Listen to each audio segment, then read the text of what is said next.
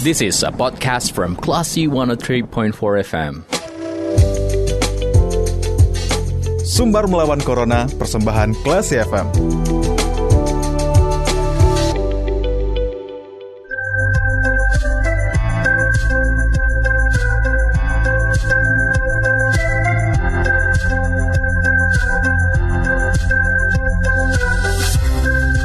103,4 Kelas FM bersama kita lawan Corona. Kelas People, saatnya Anda mencermati obrolan seputar perkembangan COVID-19 di Sumatera Barat yang dikemas dalam program Sumber Melawan Corona Persembahan Yayasan Semen Padang, Semen Padang Hospital. Kelas People, vaksin ibu hamil sudah di-launching Presiden bulan Agustus yang lalu. Dan tentunya karena hasil penelitian membuktikan ibu hamil lebih beresiko terpapar COVID-19. Sehingga perlu divaksin dan sampai saat ini masih banyak juga nih ibu-ibu hamil yang khawatir untuk divaksin. Kira-kira gimana sih supaya meyakinkan ibu-ibu hamil untuk bisa divaksinasi? Nah, langsung saja kita ngobrol. Kita sudah tersambung via line telepon ada dokter spesialis kandungan Semen Padang Hospital, Dr. Madonna Utami Dewi, SPOG. Langsung kita sapa. Assalamualaikum, selamat sore dokter. Waalaikumsalam warahmatullahi wabarakatuh. Selamat sore. Gimana kabarnya dokter sore hari ini? Alhamdulillah sehat. Alhamdulillah, dokter. Nah, bulan Agustus kemarin kan sudah di launching oleh Presiden untuk vaksinasi khusus ibu hamil. Dan ternyata nih dokter masih banyak ibu-ibu hamil yang was-was untuk divaksin. Dan kira-kira ini gimana sih dokter? Apa yang harus dilakukan untuk ibu-ibu hamil sebelum vaksin? Apakah perlu konsultasi dulu sebelum melakukan vaksinasi?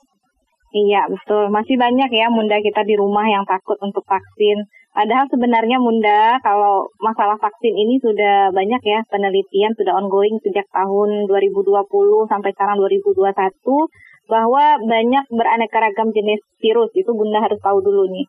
Jadi virus yang yang uh, digunakan untuk vaksin COVID-19 ini ada tiga jenis. Yang pertama ada virus yang inaktif ya. Mm-hmm. Inaktif ini artinya kalaupun masuk ke dalam tubuh kita itu tidak akan menyebabkan uh, penyakit. Nah itu contohnya apa? Itu contohnya yang uh, vaksinasi vaksin Sinovac ya, yang mereknya Sinovac. Kemudian ada yang viral vector. Viral vector ini diambil bagian partikel virusnya. Jadi kalau masuk ke dalam tubuh bunda pun di rumah itu juga tidak akan menyebabkan terjadinya penyakit, mm-hmm. tapi hanya akan merangsang uh, sistem pertahanan tubuh atau antibodi kita. Nah itu contohnya yang kelompok uh, vaksin AstraZeneca ya. Kemudian satu lagi yang bagian uh, vaksin yang isinya adalah uh, mRNA, messenger DNA-nya saja yang dimasukkan ke dalam tubuh ibu hamil. Itu contohnya adalah Pfizer dan Moderna. Nah, ketiga jenis ini itu sudah dibumingkan dan sudah direkomendasikan oleh dunia dan juga uh, Persatuan Obstetri Ginekologi di Indonesia. Jadi baik Sinovac, AstraZeneca, Pfizer, dan Moderna, ketiga jenis uh, vaksinasi tersebut itu aman untuk ibu hamil dan juga untuk ibu menyusui termasuk kepada ibu-ibu yang sedang menjalani program hamil begitu. Hmm. Ini nggak usah ragu lagi ini udah ada penelitiannya terhadap hewan ya di beberapa negara bahwa hmm. virus ini setelah diinjeksikan kepada hewan yang uh, sedang uh, hamil itu tidak menimbulkan cacat uh, janin dan juga tidak membahayakan si ibu begitu. Baik, nggak usah khawatir lagi. Oke, nggak usah khawatir ya dokter ya. Oke, kalau untuk uh, sebelum melakukan vaksinasi apakah perlu konsultasi ke dokter dulu? Mungkin yang masih kayak khawatir uh, janinnya terganggu. Kalau dokter sendiri pernah datang nggak? Mungkin kayak pasien yang masih ragu untuk divaksinasi ke dokter yeah. Dona sendiri. Iya iya. Banyak sekali bunda-bunda nih yang uh, ragu untuk divaksin ya. Uh, sebenarnya kalau bunda sudah tahu informasinya bahwa vaksinasi itu aman rekomendasinya dilakukan pada trimester kedua yaitu di atas 12 minggu usia kehamilan uh, sampai dengan 33 minggu usia kehamilan. Kalau Bunda udah tahu tuh, uh, berarti nggak usah khawatir lagi gitu. Yang kedua, kalau Bunda tidak mempunyai komplikasi selama kehamilan seperti uh, tidak tekanan darah tinggi, tidak menderita diabetes atau penyakit komorbid lainnya yang tidak terkontrol, itu sebenarnya Bunda uh, direkomendasikan untuk vaksin.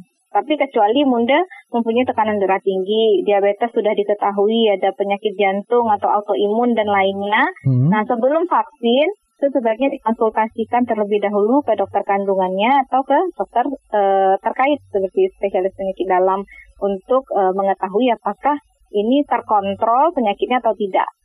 Nah, sebenarnya walaupun uh, ibu hamil kita ini menderita hipertensi, diabetes, dan penyakit jantung, hmm. kalau sebenar uh, dalam kondisi yang terkontrol, itu direkomendasikan untuk dilakukan vaksinasi. Tapi kalau tidak terkontrol, kita tunda dulu, tidak boleh dulu gitu. Makanya pada kondisi tertentu memang perlu uh, dikonsultasikan terlebih dahulu dengan dokter kandungannya. Tapi untuk kondisi yang tidak ada komplikasi, silakan saja Bunda karena nanti di saat vaksinasi itu akan ada list screeningnya apakah Bunda layak untuk divaksinasi atau tidak gitu. Oke, lengkap sekali penjelasan Dokter Dona.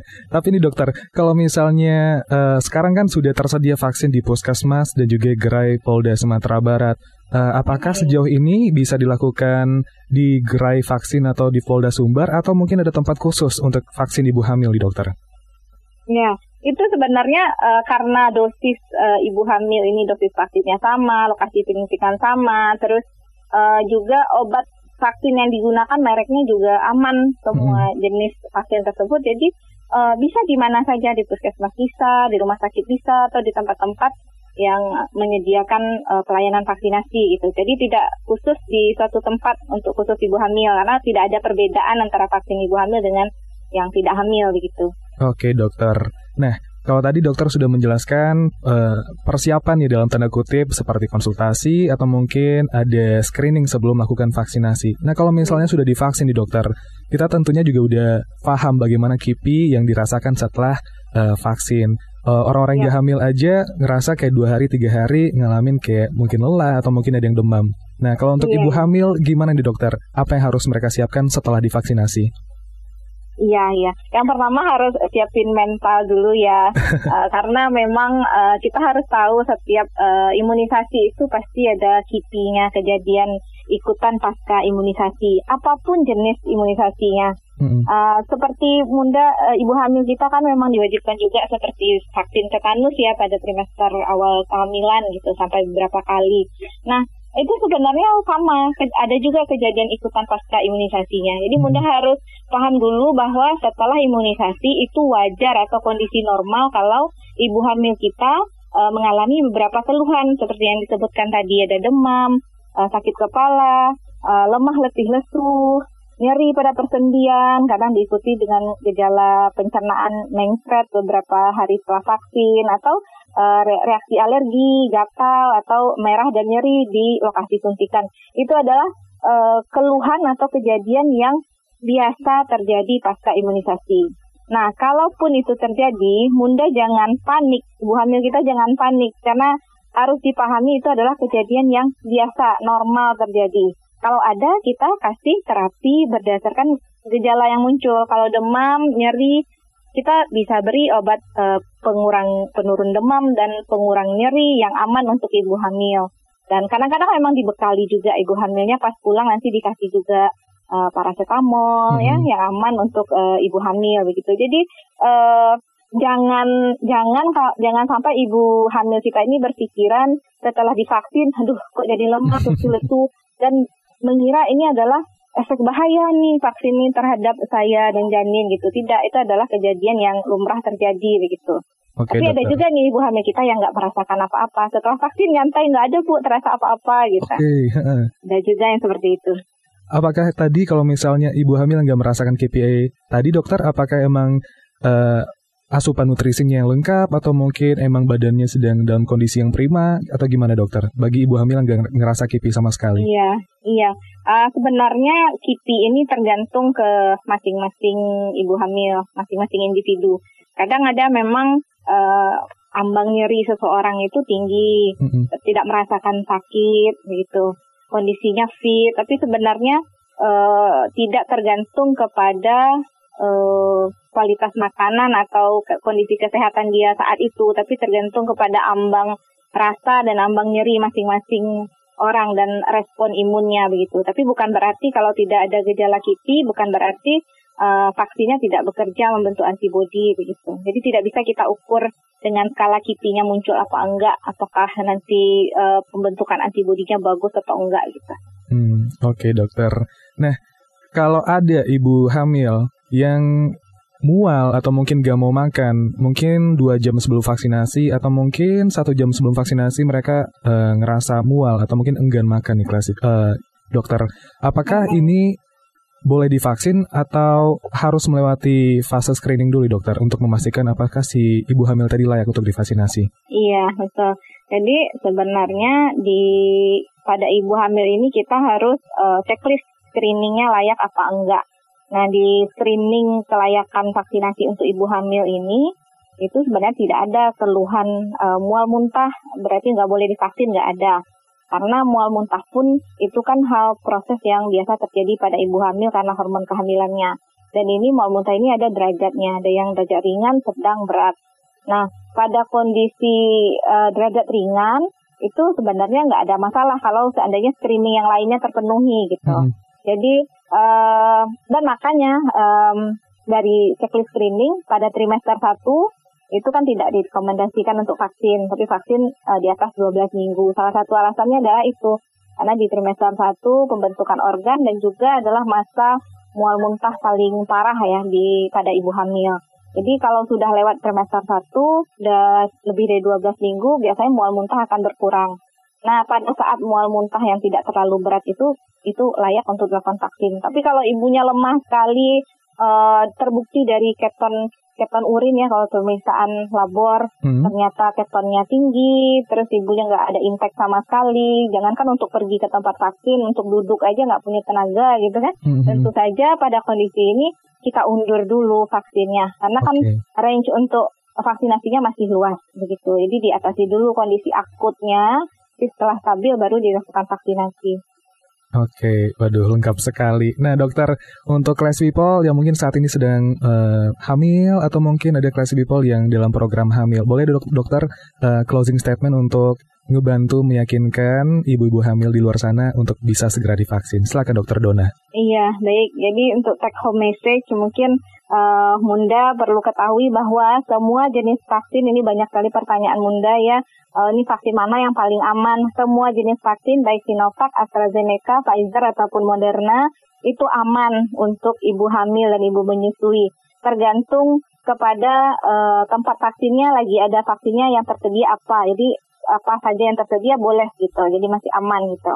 Kemudian uh, vaksinasi COVID-19 ini uh, sangat diutamakan untuk ibu hamil dengan komorbid. Jadi jangan dijadikan alasan karena itu karena komorbidnya nggak mau vaksin, tapi justru yang dengan komorbid inilah yang disarankan untuk divaksin. Apa saja komorbidnya seperti hipertensi, tapi harus terkontrol, harus di bawah 140 per 90.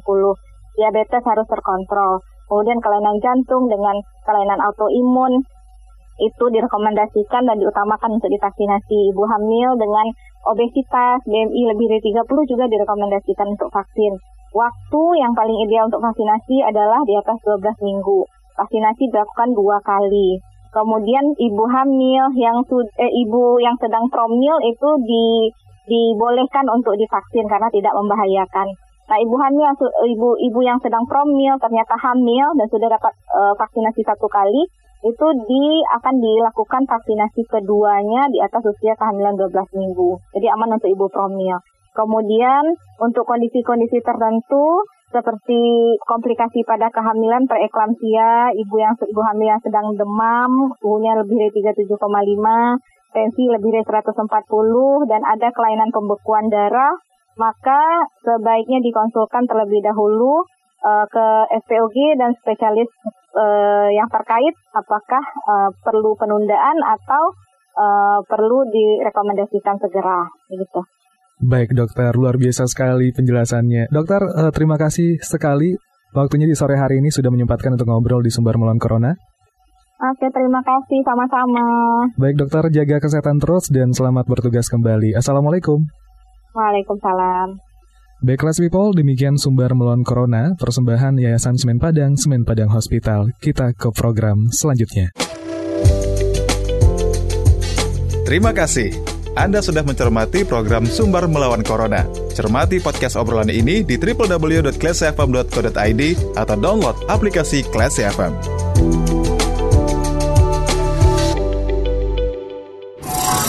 This is a podcast from Classy 103.4 FM.